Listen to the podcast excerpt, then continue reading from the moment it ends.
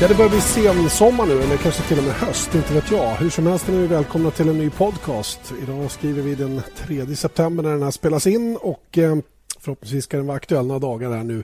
Denna podcast ifrån Viasat Motor. Janne Blomqvist heter jag och Eje Elg finns med också på väg till Bullshit City som vår redaktör skrev. Vad betyder det? Ja, jag blev lite konfunderad för dels är jag på väg till Milano och Stockholm men man borde ju kunna utesluta Milano va? Ja, tycker jag. Ja, det måste vara Stockholm. Ja, det, det borde, du, vilken fråga, det är självklart.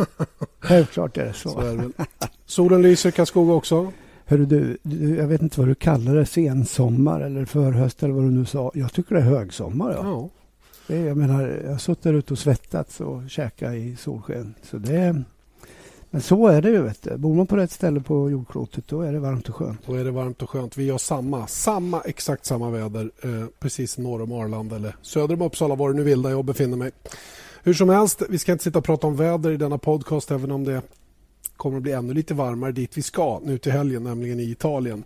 Eh, det är ju intressantare att komma igång med själva surret då i denna podcast som idag naturligtvis till största delen faktiskt kommer att handla om F1. Eh, och eh, Det är inte så konstigt med tanke på att eh, den stora nyheten igår eh, var att Daniel Ricciardo eh, blev klar nu då som eh, teamkamrat till Sebastian Vettel för Red Bull nästkommande säsong. Eh, det där är saker som du kanske har vetat mer om än andra. Eh, jag har känt det på mig länge och eh, tyckt att det skulle vara det rimliga beslutet från Red Bull redan från allra första början. Det kom ju inte som någon jätteöverraskning men, men det blev Ricciardo till slut. Ja, till slut. Jag tror säkerligen att det vore klart en längre tid. Men sen kan man ju fråga sig då vad det är för konstigt spel som pågår. Men jag är övertygad om att på, på, på något hörn så har vi Bernie Eccleston med där som gärna ser att man förlänger de här procedurerna lite grann och att det börjar spekuleras i pressen och så vidare. Så att eh, för mig, och du vet ju vad vi har, vi pratat om det, vi har faktiskt tjatat om det ganska länge nu och mm. jag har ju hela tiden hävdat att Eh, det vore väldigt konstigt om man valde någon annan än Ricciardo. Och sen eh, en kortare tid tillbaka så har jag dessutom fått bekräftat att, att, eh, att det var klart. Va? Men det har ju fortsatt att spekuleras ända tills idag egentligen. Vad är anledningen tror du till att man väljer att hålla på det till halv tio engelsk tid igår kväll samtidigt som det var premiär för filmen Rush? Ja, inte vet jag. Alltså det, det, jag tror jag, jag, tror, eh, jag tror att man eh, igen, precis som jag sa, på något sätt så tror jag ändå att eh, Bernie Ecclestone finns med där. Och han styr upp lite grann hur saker och ting ska vara. inte för att teamen inte själva skulle klara det, men titta vilket otrolig genomslagskraft det har fått. Mm. Det faktum att man inte gick ut och bekräftade det här för en månad sedan eh, utan låtit världen spekulera i det här har ju givit spaltmil av, eh, av eh, media. Och det är klart att eh, det ska det väl inte. Vi ska väl förtydliga då att Börn inte bestämmer vem som ska köra var utan nej, nej. han har synpunkter på när man ska presentera de här nyheterna och det ligger ju i allas intresse så det är klart man lyssnar på honom om han har koll på det här.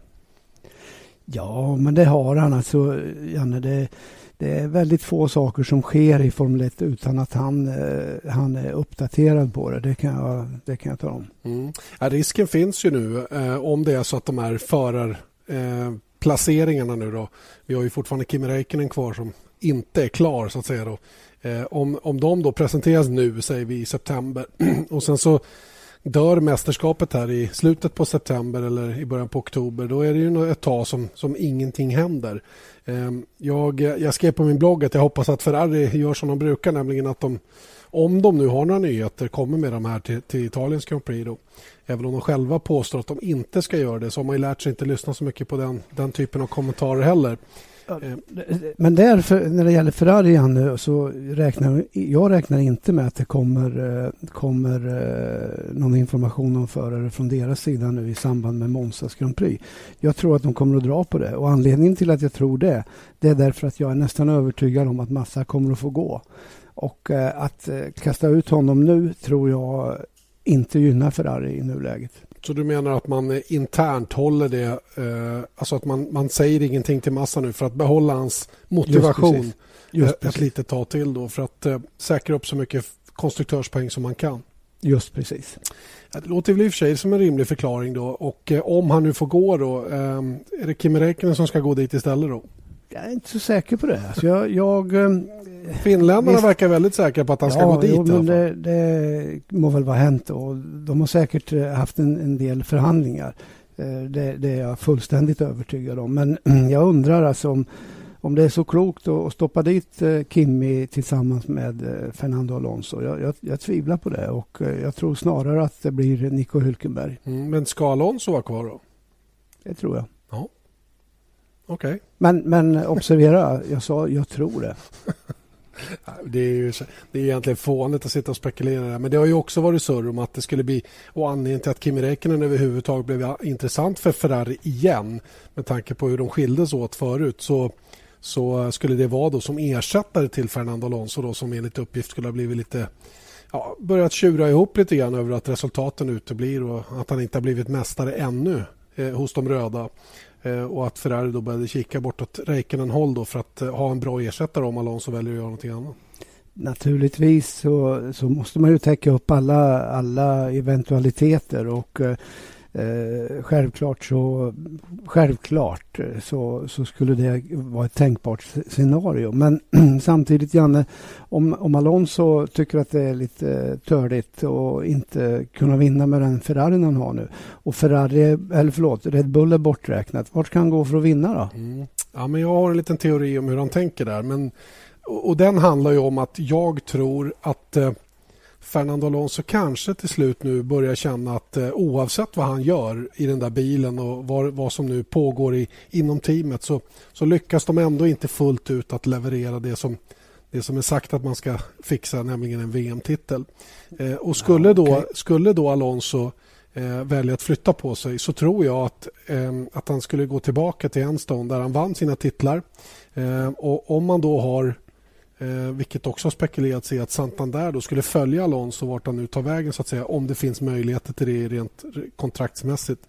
Så, så skulle han kunna bygga upp en ny organisation runt omkring det teamet och där skulle han mycket mer bli en förare som, som verkligen kan diktera villkoren på det sättet som han själv vill och som han uppenbart har liksom, ambitioner att göra. Jag tycker det syns på hela honom att han, han gillar att bestämma och vara med och bestämma och ha mycket synpunkter. Och i Ferrari så blir en förare aldrig större än teamet. Det vet vi sedan tidigare och det kanske har kommit till det läget. Jag vet inte.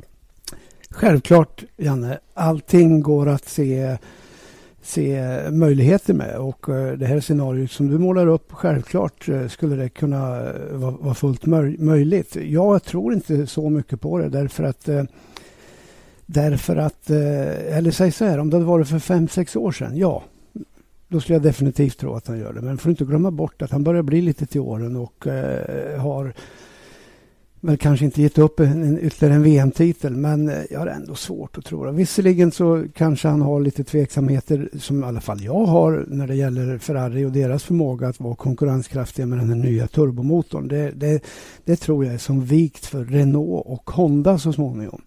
Men eh, det är ju mina, mina spekulationer likväl som att du har spekulationer. Mm.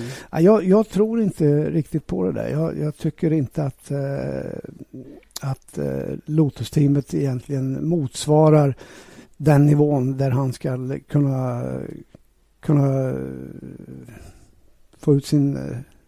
Ja, där han ska kunna utnyttja sin potential maximalt och så vidare. Det är för många oklarheter mm.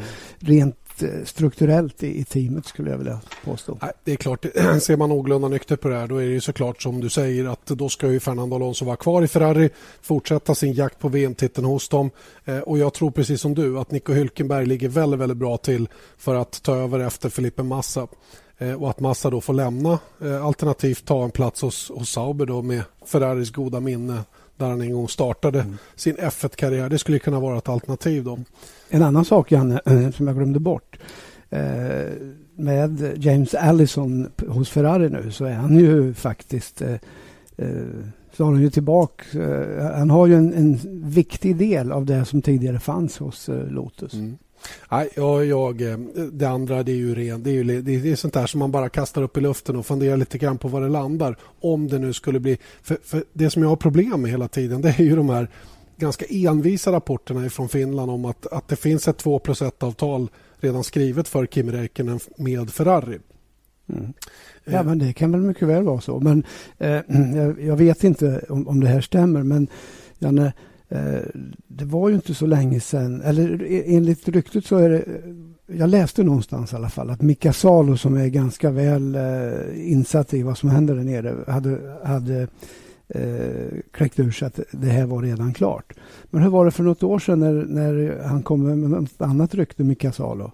Så han fick gå ut och eh, be om ursäkt till eh, världsmedien i praktiken. Mm. Vad var det om? Kommer du inte ihåg det? Nej, det gör jag faktiskt inte. Jo, det var ju någonting. Ja, inte vet jag. Nu vet jag inte om det här kommer från Mika Salo, men han är ju i alla fall med där i, i finsk tv, mycket media runt honom och så vidare. Och har ett förflutet hos Ferrari och så vidare. Så det är mycket möjligt att han vet sånt, sånt som inte vi vet. Va? Men eh, låt oss vänta och se, hörru du. Ja, den som lever får se vad som kommer att hända i alla fall. Den, den saken är helt klar. Nej, men ej, vi kan vara överens om en sak. Det, det, det scenario som är mest troligast just nu det är att Räikkönen blir kvar hos Lotus, Fernando Alonso hos Ferrari och att någon annan kör istället för Felipe Massa och att eh, Sauber kan, kan behöva en eller två förare till nästkommande säsong. Det är väl det troliga. Eh, sen måste vi också eh, beröra James Calados eh, inträde som tredje förare nu då hos eh, Force India eh, från och med den här helgen. Då. Och, eh, är, han, är han aktuell för en plats nästa år redan tror du? Nej, det tror jag inte. Jag tror personligen att det här är en, eh, en deal som eh, Nicholas Tott som är hans manager har gjort eh, och den inkluderade den här testen, eh, Young Driver-testen och eh, några testdagar här under året. Och ska han vara med i, i, i fortsättningen, ja då tror jag definitivt att han kommer att behöva ha hjälp av en finansiär. Mm. Återstår att se vad som kommer att hända då. Um... Och i ärlighetens namn, Janne. Eh, engelsk media har ju naturligtvis målat upp honom som the Wonder Kid eh, en längre period. Men det har flagnat lite grann. För att eh, om du tittar på vad han har gjort i år. Nu vann han visserligen senaste loppet. Eh, en ett race, eh, det var sprintracet som han borde ha vunnit lätt. Men han fick faktiskt kämpa för, för att vinna det. Och, ehm, jag tycker inte han har presterat riktigt i år. Nej, hur som helst så ska han köra fredagsträning nu på Monza. Då, ehm, den James Calado som alltså kör för ART i eh, GP2 den här säsongen. Ehm, faller tillbaka lite grann på Daniel Ricciardo då. Ehm, tar nu alltså platsen bredvid Sebastian Vettel och det är lätt att avfärda Ricciardo som en medelmåttig förare men eh, vet man egentligen så himla mycket om hur bra han är? Naturligtvis vet ju Red Bull och Toro Rosso hur bra han är och vad han har för fördelar respektive eventuella brister och sådana saker. Men vi andra som bara sitter och kollar på tv och ser att han blir 8, 9, 10 och enstaka gånger kvalar in topp 10. Ibland kan han vara ja. 15. Man kan inte göra en bedömning om hur bra han är i det här läget. Det enda man kan göra är att eh, man kan göra en bedömning hur bra tror man att han kan bli. Mm. För det är nämligen så att den utvecklingskurva som vi kommer att få se hos honom nu, den kommer att vara oerhört eh, brant. Eh, där, där han helt plötsligt får tillgång till ett eh, maskineri eller till, till en, eh, en bil till att börja med som är oerhört bra. Och sen hela det här maskineriet som är runt Red Bull. En väl inoljad, eh, eller inoljad eh, vad heter det? Organisation. Organisation. Mm som kommer att lyfta honom enormt. Och om jag tittar tillbaka på, på Daniel Ricciardo tror han vann eh, Europacupen i Formel Renault. Formel 3 vann eh, ytterst eh, riktigt stark Renault World Series. Och jag tycker dessutom att han har gjort ett bra jobb i Formel 1 och han har skaffat sig mycket erfarenhet. Jag ser ingen anledning varför han inte ska lyckas. Eh, snarare tvärtom. Jag, jag tycker att han är en eh, fullgod ersättare till Mark Webber. Vi ska väl ha klart för oss att det är inget, det är inget slumpmässigt val som har fallit på Ricciardo. Jag menar, vi sitter, det här är världsmästarteamet som har alla trumf på sina hand och de har haft många alternativ att fylla den där platsen med. Eh, både eh, befintliga F1-förare utanför Red Bull-familjen och de förare som finns att tillgå i de egna leden. Då. Och, eh, det här är ett mycket noga, eh, ett mycket noga övervägt eh, beslut som man har tagit. Ja. Ja, nej, men eh, ja, jag skulle inte vara förvånad. Okej, okay. Sebastian Vettel har ju naturligtvis Eh, Eh, de här senaste åren lyckats skapa en väldigt, väldigt stabil grund att stå på. Och eh, till viss del så styr han ju en hel del eh, i, i teamet. Men det gjorde han inte när han kom. Och eh, han, han, kommer inte vara lätt att, eh, att jobba med naturligtvis för Daniel Ricciardo. Men eh, jag tror det blir lättare för de två att komma överens och, och, och dra åt någorlunda samma håll än Vettel och Webber till exempel. Så att i bör till början med så tvivlar jag väl på att han kanske Eh, kan utmana Vettel. Men eh, jag är övertygad om vi ger honom eh, fyra, fem månader så kommer han definitivt att vara med där uppe och slåss om segrarna. Mm, det tror jag. Mm. Eh, det leder mig in på ett annat snack faktiskt som Pat Fry eh, hos Ferrari har, har varit inne på, eller egentligen Stefano Domenicali. Då. Han, har, han har sagt att det kommer att bli gigantiska förändringar i Formel 1 nästa år med de nya motorerna och det här nya reglementet. Eh, och eh, där måste ju ändå vem man väljer som förare spela in väldigt mycket hur man tror att de kommer att klara det här nya. Eh, jag har själv lite svårt att överblicka hur stor förändring det kommer att bli rent körmässigt och vad det nu kommer att vara som, som kommer att påverka. Dynamiken blir annorlunda, eh, får ett, eh, en annan motor som uppför sig på ett helt annat sätt än de har idag. Det är klart att det kommer att bli annorlunda men men jag tvivlar så, eller säg så här, jag, jag tror att det kommer om, om bilden kommer att förändras så är det i första hand beroende på att teamen rent tekniskt och motortillverkarna rent tekniskt lyckas bra eller mindre bra med, med det konceptet som de levererar ut på startlinjen eh, inför nästa år. Eh, när det gäller förarbiten så vill jag nog påstå att det, att det kommer att ha mindre betydelse. Visserligen stora förändringar, men jag menar det här är ju inga, det är inga duvungar. Utan det, det som inte passar, ja, det, det ser man till och lär sig egentligen. Fastän att, eh, så, så där tror jag inte det en att det blir en jättestor skillnad. Men visst, det kan ju naturligtvis eh, vara någon som inte kommer överens med eh, karaktären på motorn till exempel och, och som, som, får det lite svårare. Det, det kan mycket väl så, vara, vara, så. Men jag tror ändå att det är rent tekniskt som det kommer att vara den stora utmaningen för mm. teamen att leverera. Så att eh, själva cockpitkänslan kommer att vara ungefär densamma menar du? Det kommer den ju naturligtvis inte vara urs, ur, ursprungligen. När de sätter sig i bilen första gången, jag vet inte vad första testen är. Men det är januari någon gång. Ja, eh, men när de kommer att sätta sig i bilen första gången så kommer det vara precis raka motsatsen mot vad de är vana idag. Men eh, det är ju, jag menar, det är lite skillnad på torrt och blött också. Mm. Jo, såklart. Förstår du ja. vad jag menar? Ja. Så att eh, det här är ju någonting som man, man lär sig att anpassa sig till. Och sen naturligtvis ute i periferin där så kommer det vara någon som, som kanske har lite mer nytta av, av, eh, av det nya sättet att köra och någon som har lite mindre nytta. Men klart, klart mycket mindre skillnad än det, det som kommer att vara på det rent tekniska planet. Mm. Så utmaningen ligger hos teamen då mer än hos förarna även om det kommer att bli en hel del förändringar känslomässigt även bakom mm. ratten så att säga. Då. Så kan vi väl sammanfatta det, det hela. Det är mitt sätt att se det, ja. Mm. Ja, det ska bli spännande att se de här nya reglerna. Vi, det är många som frågar om vi inte kan redogöra för dem, inte minst här i bloggen och så vidare. Men det är liksom ingen idé att göra det än utan det är lite bättre att göra det när vi kommer närmare. Mm. Den stora förändringen är förstås att man går från eh, normala aspirerade motorer till turbo. Men det är ju en, en del av en ganska stor eh, förändring. Och apropå regelförändringar, jag har ju några såna här grejer som man, som man kommer ihåg eh, under den relativt sett korta karriär som jag har haft då, så länge som Formel 1 har funnits, då, ända sedan 50-talet och kanske tidigare än så då, innan det blev VM. Jag tycker det stora för mig var när man gick från de breda till de smala bilarna. Eh, det var ju något som skedde 1998 då, då man eh, gick till vad var de, 1,80 breda max. Va? Mm, det. Och det blev även skurna däck då. Och det, var, det minns jag var en förändring som, som dels många förare tyckte väldigt illa om. Man tyckte att bilarna blev som Formel 3-bilar att köra. Och Det tog lite tid att vänja sig vid det här. Den andra grejen tycker jag var när man gjorde det nuvarande reglementet 2009 Eh, när man smalnade av eh, bakvingen var ju väldigt mycket bredare, bredare tidigare och man fick den här enorma plogen till framvinge som man inte hade haft förr. Och, eh, ja, det är två såna här synbara grejer. Och sen naturligtvis när man gick från V10 till V8, det var också en sån där... Mm. När man hörde motorerna ja. för första gången. Det märks att du är en ungdom, Jan. Ja, jag vet. Jag vet. Det där är ju sånt som bara har svischat förbi mig. Nej, men skämt åsido. Jag, eh, jag ser ju lite längre tillbaka i tiden när man gick från Eh, alla åkte med Cosworth-motorer och sen helt plötsligt kom Renault med turbo och sen innan man visste ord av så var det bara turbo. Eh, Skirts, alltså ground effect, Lotus 79 när den kom. Mm. Eh, vilken revolution alltså.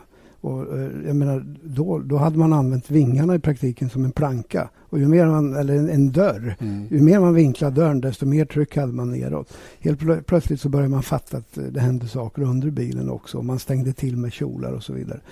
Eh, aktiva fjädringen, Williams-bilarna på 90-talet eh, eller början på 90-talet. Där, helt eh, otroliga grejer. Och då visste man inte hälften av hur, hur avancerat det var egentligen. Eh, och det, var ju ett, ett läge där det var ytterst nära att man eh, kunde stoppa in eh, vad sa han, Nicke Lauda? En apa, Schimpans. en apa Schimpans. kan köra. Ja, precis. ja. Och sen körde han själv, sen körde han själv och snurrade efter två kurvor. Eller vad var det? Ja, just det. Fick han äta upp det. Mm. Eh, det du pratar om, ground effect där med, med, med kjolar och sånt, det förbjöds 1983. Eh, då började man istället med så kallad flat bottom regulation. Eh, och 1994, det var ju den säsongen man körde för första gången då, utan den aktiva fjädringen. Då, så att säga då. Mm. Och eh, två stora grejer. Det jag pratade om när man smalnade av bilarna var säsongen 1998 och de, det nuvarande aerodynamiska reglementet då, till stora delar i alla fall, det togs i bruk 2009. Några av de stora förändringar som har skett genom åren och nästa år kommer alltså ett nytt reglement igen då, och det ska vi som sagt återkomma till i detalj så småningom. Um, Ja. Du, ja, vänta, ja, ja, ja, Jag, tycker du, jag tycker du stressar så. Alltså, alltså, jag hinner inte med. Förlåt. Alltså. Du, du, du, du, det är du som tar upp ämnena här och så är det bara för mig att hänga på. Men du lämnar ju saker som är liksom... Menar, är du klar med silly season? Nej, jag är inte klar med silly season. Var det något du ville tillägga? Ja, du, vi pratar naturligtvis om de stora timmen men det som redan har kört igång det är en fullständig huggsexa om vad då? Jag vet inte. Nej, du ser, du vet inte så mycket som du tror ibland. Nej, nej, nej. nej visst. Ja, men, tänk efter.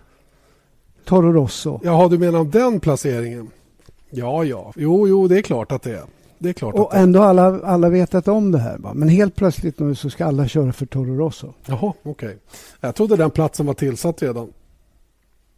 Ja, det har väl de flesta trott. Va? Men, men eh, att eh, den skulle gå till portugisen da Costa. Mm. Men han har ju faktiskt inte levererat riktigt som, eh, som tänkt och det känns som att den platsen är öppen just nu. All right. Kan det vara någon utanför Red Bull-familjen till och med? Det vore väl konstigt om det skulle vara det. Va? Men, men å andra sidan, varför är det någon man vill ha så är det väl bara att göra honom till Red Bull-förare. Då. Ja, du menar så ja. Jag menar så mest... är han ju en i familjen. Ja. Jag tänker mest på att det ja. finns ju så oerhört ja. många som har stöttning. Vi har ju, jag menar, vi har Sainz Junior, vi har Daniel Kviat nu då, som åker i GP3. Kanske inte, absolut inte redo för Formel 1 ännu, men båda har ju redan testat för Toro Rosso och för. Red Bull. Um, och uh, vi har som sagt Antonio Felix da Costa då, som många ja. har tippat som ersättare då hos, uh, det, hos Toro Rosso. Det finns ju många som helst egentligen att ta ur, ur, ur, den där gruppen. Va? Så det är lite intressant. Nej, att jag nämner det är bara för att uh, att eh, jag har observerat att, att det helt plötsligt, eh, trots att det var förväntat att, att eh, Ricciardo skulle gå dit, så helt plötsligt när, när proppen gick ur, ja då pang, ja då är det helt plötsligt så är alla intresserade av den där platsen och, och så vidare. Så vidare.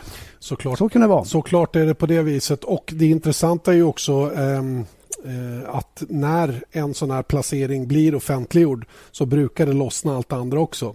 Eh, nu är det ju mm. fortfarande så att Kimi Räikkönen proppar igen det där pluggen än så länge och eh, innan vi vet vad som händer med, med Kimi och, och var han tar vägen så, att säga, så kommer ingenting annat att hända heller. Antar jag. Troligtvis inte. Eh, ja du, jag, du förresten, jag, jag, skrev en annan grej på min blogg. Så här. Jag, jag noterade efter efter eh, Belgiens Grand Prix att alla tyckte att säsongen... Nu var det så tråkigt med Formel 1 igen och vi pratade om det här senast också.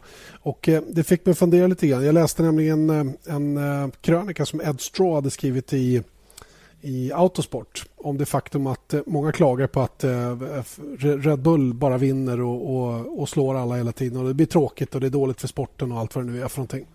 Å andra sidan kan man ju tycka att det är de andra teamen man borde klaga på som inte gör ett bättre jobb då, som kan utmana Red Bull. Och det, det, det var liksom essensen av hela den krönikan och det, det ligger väldigt mycket i det.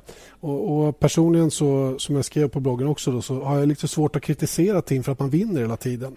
Samtidigt var ju både du och jag med på 2000-talet när helgerna var mer eller mindre vem som skulle bli tvåa många gånger. Och eh, så vill man ju inte heller ha det. Gå ännu längre tillbaks. William ja. på 90-talet, ja, ja, runt 90 där. Exakt. Det, då var det rent uh, löjligt. Jag menar, det var ju, de vann ju med flera varv. Ja, och vi, vi, vi satt ju faktiskt och gjorde en hel del av de här klassikerna och vi såg ju till och med under den här eran när McLaren var så starka som de var med, med Prost och Senna. Ja, ja, jag menar, därför så blir det, när minnet är kort och man tycker att det var bättre förr och hela den biten, det, det stämmer ju naturligtvis inte. Och idag är det ju oerhört konkurrenskraftigt mästerskap. Det är fem, sex gubbar som kan vinna nästan varje helg man kommer och därför så blir det väldigt snålt tycker jag att tycka att Formel 1 skulle bli tråkigt bara för att Vettel råkar vara lite extra stark nu senast i Belgien då, vilket han var. Mm. Ja, men Janne, sen är det väl också så att eh, som du säger, minnet är ganska kort. Eh, man blir lite bortskämd när man som förra året har sju olika segrar i de sju eh, första loppen till exempel. Mm. Så att, eh, nej men jag menar, vadå? Det, det, eh, jag sa det förut att eh, vissa fotbollsmatcher blir 0-0 och det, det, det, är bara att acceptera att allt kan inte ske enligt manus varje helg. Nej, eller hur? Det, det är orimligt att ställa sådana krav på något sätt. Mm. Sen eh, vet inte jag riktigt eh, hur jag ska se på det du säger att istället för att klaga på Red Bull. Det är väl egentligen ingen som klagar på Red Bull att de är bra. Det, det, det, kan väl inte... Jag menar, vad ska man göra då? Nej, Stänga av en cylinder? Nej, men det är ju det jag hallå, säger. Det är ju det jag säger. Men, men och, det är, fortfarande kommer sådana synpunkter. Ja, och att man ska klaga på de andra. Nu är det ju så att det, det är ju sport. Jag menar längdhopp eller höjd. Ta stavhopp. Vad heter hon ryskan som... Isinbaeva. Ja, det kan jag inte uttala. Men hon som alltid vinner. eh, är hon för bra? Ska, ska hon inte få vara med då? Ja, eller? Nej. Eh, ska man klaga på att de andra är för dåliga fast de lägger hela sitt liv åt att uh, försöka förbättra sig. Nej, så att, uh, jag tycker du går in i det här lite det för bokstavligt. Eje. Det, är inte, det, är sport. Det, det, handlar ju mer om... Min fråga var lite filosofiskt. Kan man, kan man vinna ja, för mycket? Jag är förbannad alltså. Jag ska inte hålla på och sätta mig på pottkanten på sånt här. Utan, uh, ja, men, kan, man vinna, kan man vinna för mycket? Um, Nej, inte om man är, inte om man är tävlingsmänniska. Då vill, det är därför man tävlar, för att vinna. Eller hur? Visserligen är väl inte alla lika mycket så, men vissa är det. Talar du egen, eh, talar du egen sak? Nej, jag, nej, jag säger ingenting. Men, men, men det är därför man, man tävlar. Va? Så eh, det är inte att man... Man kan ju inte vinna för mycket egentligen, utan det, är, det ska ju vara... Det är ju sport. Det är en sport. Mm. Det är en tävlan, punkt slut. Alla vill vinna och den som inte vill det, han kommer inte heller att vinna. Så att... Eh, eh, så enkelt är det. Ja, så enkelt är det. Mm. Nåväl, jag kan inte uppleva att eh, den här säsongen är över på något sätt och jag upplever den definitivt inte som tråkig, snarare väldigt högkvalitativ och jag tror att det kommer bli många goa fighter innan det här är över och eh, inte minst nu närmast på Monza. Och till Milano ska vi nu då om någon enstaka dag och det är ju ett speciellt ställe att komma till säger vi nästan varenda år vi kommer dit. Men det är ju så att komma till Italien och, och, gå på Italiens Grand Prix på Monza, det är något väldigt, väldigt speciellt. Mm. Och eh, att sitta i köer genom Monza Village eller byn där mm. på morgon, morgnarna. Herregud, det går inte fort, Janne. Nu landade du direkt på det som inte var så bra. Nej, jo, jo, men du, på något sätt så är det ju så att i Belgien, där, där blir man förbaskad eh, när man ska därifrån åtminstone. Mm. Eh, på något sätt i, i Milano eller Monza, man accepterar det för det är sånt kaos och det är det är sån, eh, sån otrolig atmosfär där på något sätt. Alltså. Och, och, eh, och framförallt, det är ju Ferrari som gäller 100 procent.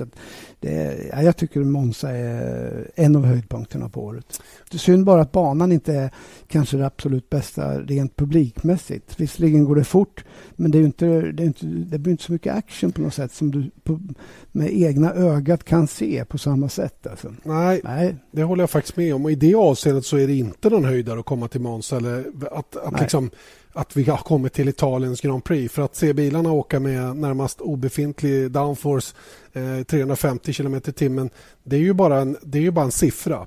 man, Ja. man upplever det ju inte som att det går så himla mycket snabbare än på många andra ställen. Det är bara det att det, blir oerhört mycket svårare att ligga nära en annan bil. Vem minns inte Schumacher Hamilton när de låg, och, eh, låg efter varandra i varv efter varv efter varv och ingen kom åt den andra beroende på att Mm. utväxlingen var si eller utväxlingen var så. Och det, det är lite det som är Monza på något sätt.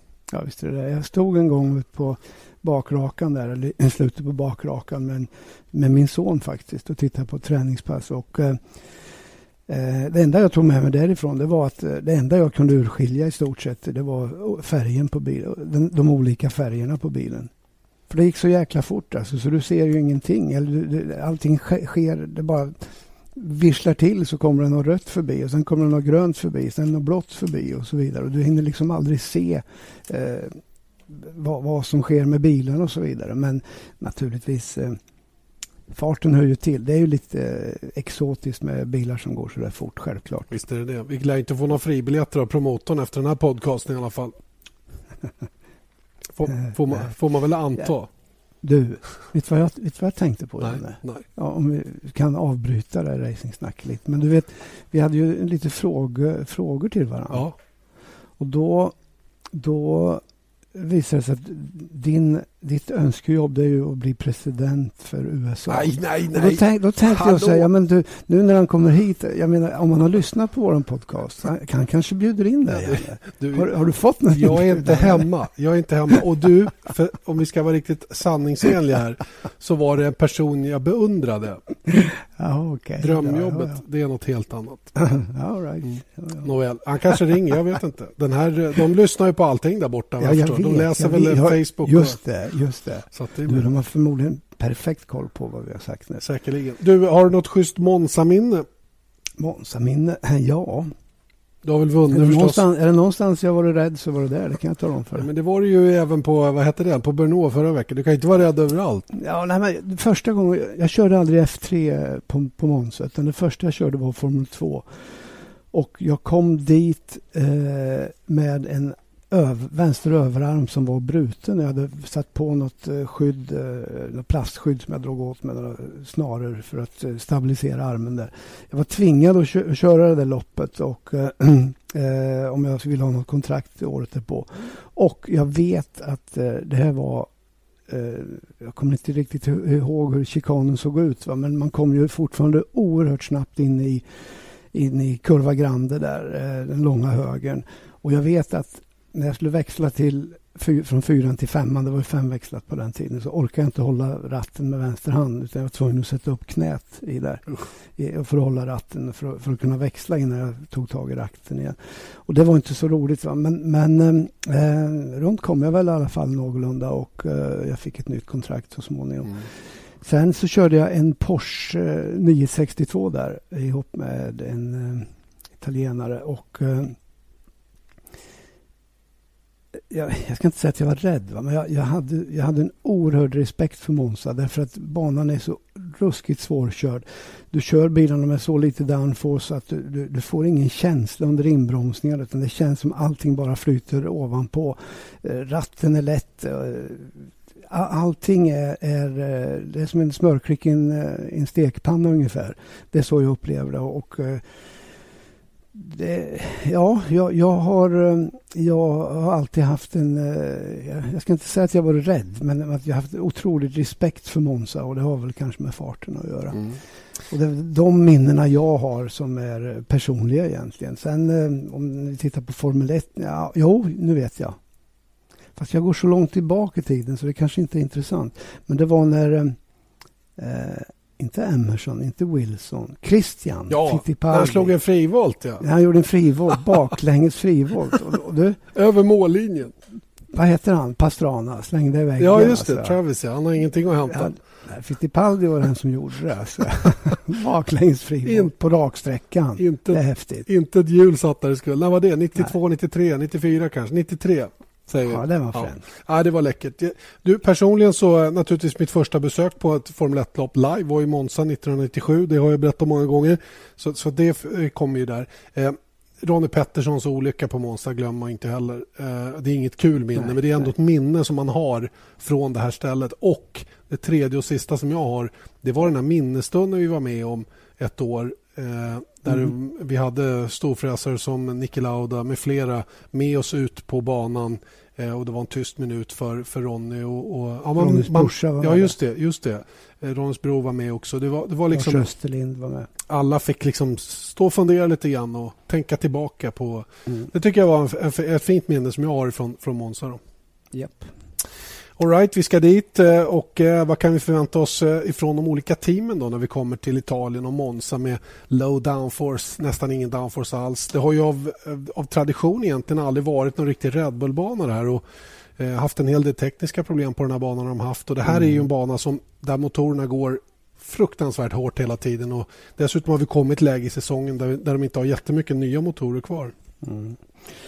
Ja, nej men det, det, vi får se vad, vad, eh, vad de kommer dit med.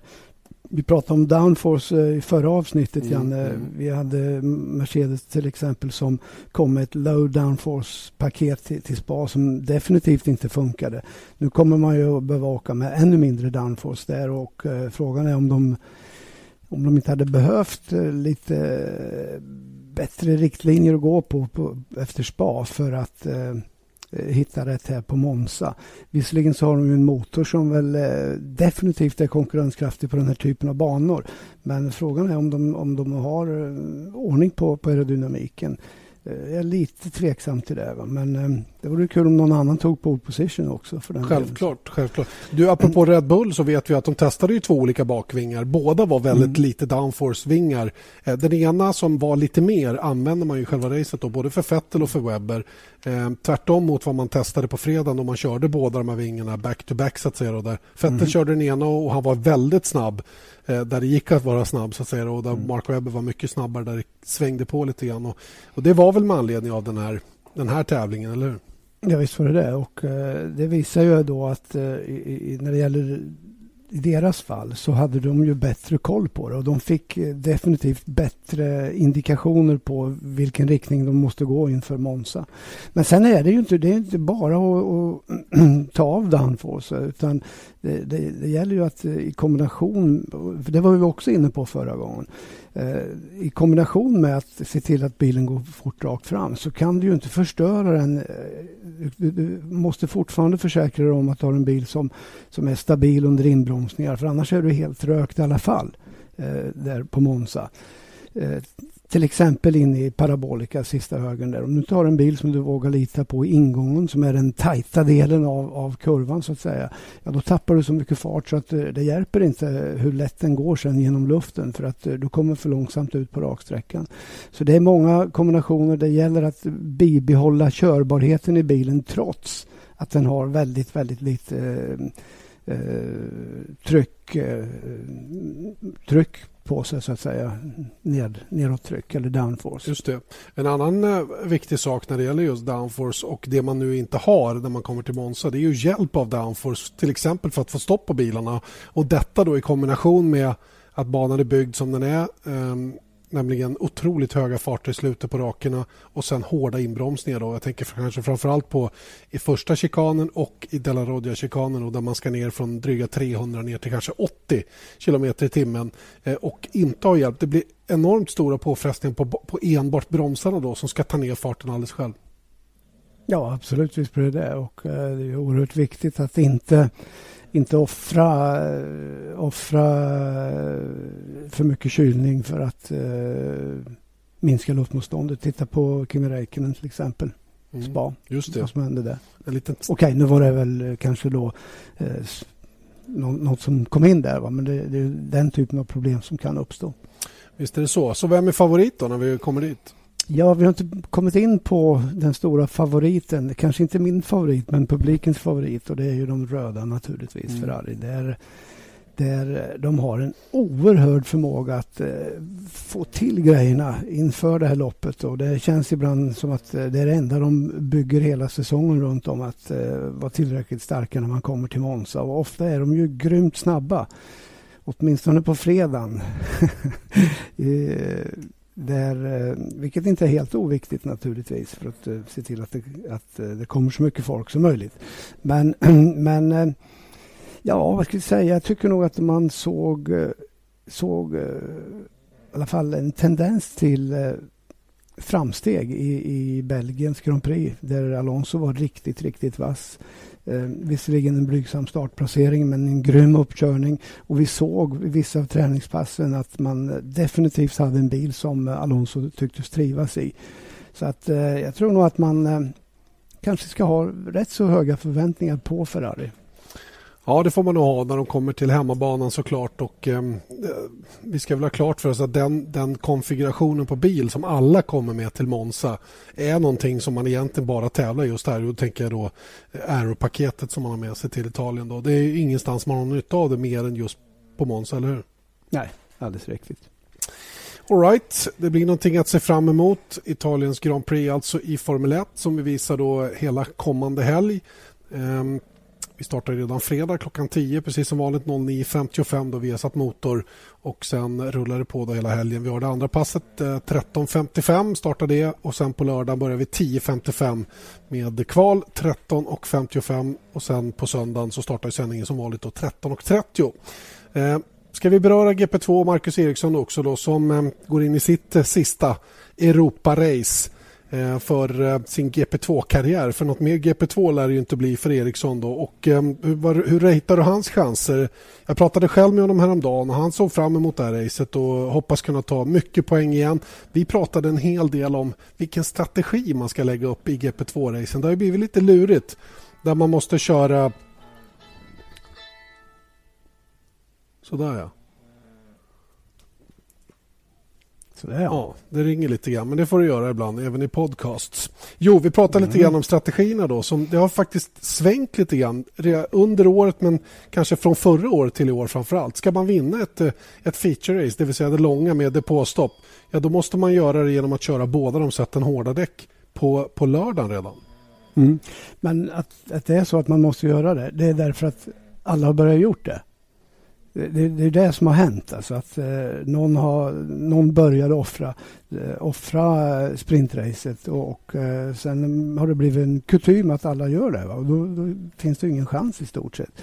Så det är lite annorlunda. Det gör ju att eh, det blir väldigt svårt på söndagen och det kan lätt bli en sån situation som vi såg Marcus hamna i på söndagen i spa som inte alls var, var speciellt rolig. Nej, eh, man är ju i praktiken chanslös om man inte har något däck till, till sprintracet och åka på skrubbat ett skrubbat sätt hårdare mot sådana som kanske har kvalat en och en halv sekund långsammare men av någon anledning har bra däck kvar då.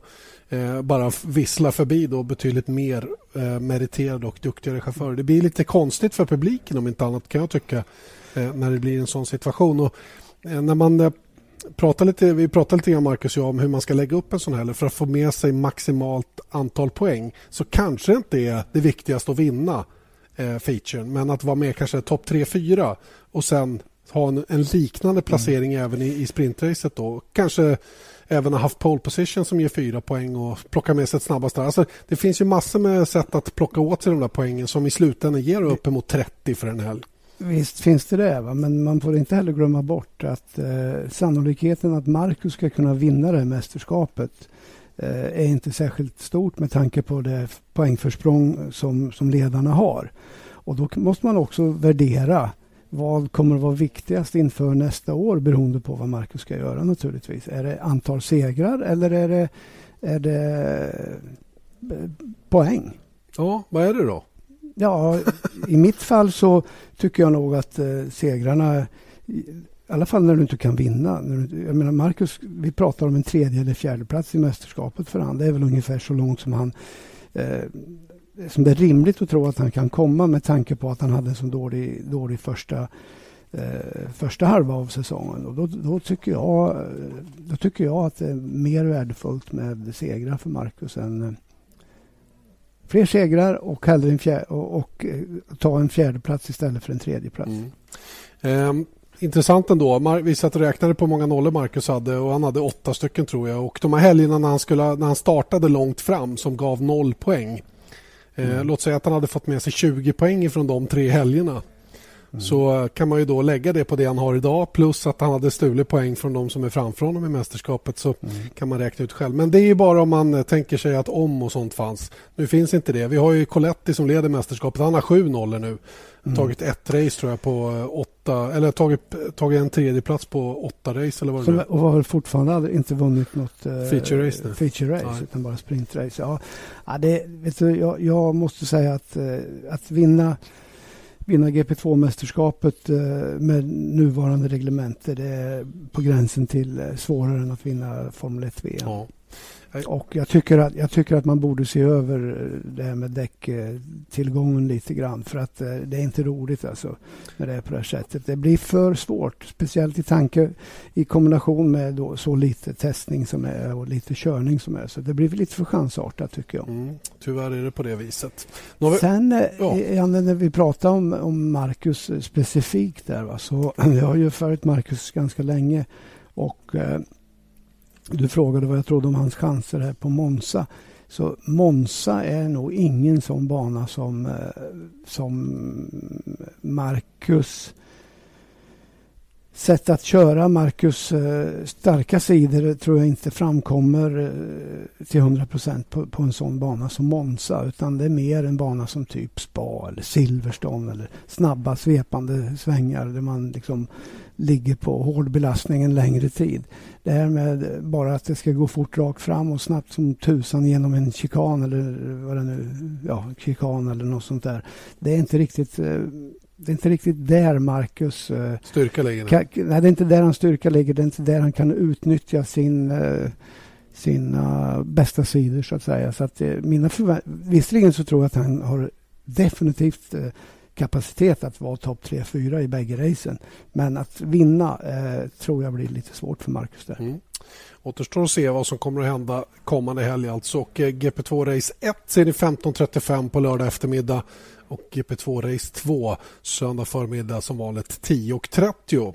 Eh, och sen har vi då GP3 som går efter GP2 på lördag eftermiddag och före GP2 på söndag förmiddag och startar 9.20. Som vanligt 11.40 då Porsche Supercup eh, på söndag förmiddag 11.40. Eh, och sen eh, måste vi ju puffa för lite annat också. Speedwayen rullar ju på. Det är, eh, eh det är GP-tävling på lördag kväll eh, ifrån Krsko, tror jag det heter. Krsko. Slovens, där, den slovenska. Det var mest bara ja, det var fyra konsonanter och en vokal på slutet. Eh, det är den tionde deltävlingen i alla fall. Där vet vi att eh, ryssen Emil Seifutinov föll svårt eh, i en av semifinalerna i polska extraliga och bröt armen. Och hans manager sa att det var 5 chans att han kör någonting mer den här säsongen. Och han var en av de som var med och slog som VM-titeln då. Så det får vi väl säga är kört då för den duktige ryssens del. Och sen har vi Nascar, Federated Autoparts 400 Vad säger du om det? Fe Vad hette det sa du? Federated Autoparts 400.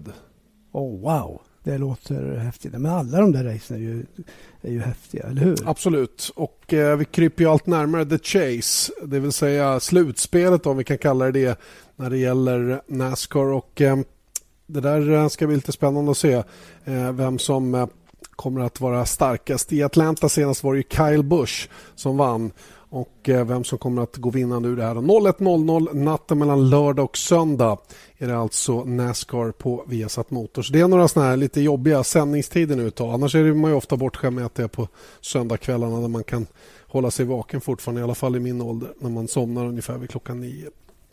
Eh, ja, jag har inte så mycket att tillägga faktiskt. Jo, vi måste prata om en grej. Herregud, tänk att jag glömde det. Ah, Fernando Alonso har gått och köpt sig ett cykelteam. Det måste vi gilla, eller hur?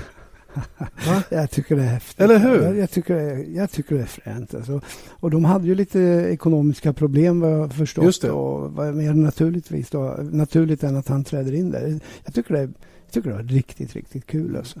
Det har ju varit surr om att han vill göra en sån här grej då, ända sedan 2009 egentligen. Då. Och mm. nu, nu kom den här möjligen då, som teamet heter, Euskadi, ett baskiskt team som eh, skulle bli av med sitt sponsorship från just Euskaltel eh, och eh, därmed blev tvungna att lägga ner då till nästa säsong. Kör just nu då spanska Vueltan eh, och eh, samtidigt som man försöker att slutföra Vueltan på bästa tänkbara sätt så kommer Alonso in och räddar teamet och till alla spanjorers stora glädje eh, fixar till det här. Nu kommer han vad jag förstår flytta teamet då till Oviedo eller till Asturien mm. där han finns. Och eh, Samuel Sanchez då, som kommer från just Oviedo är väldigt bra kompis med Fernando Alonso. De tränar ofta ihop.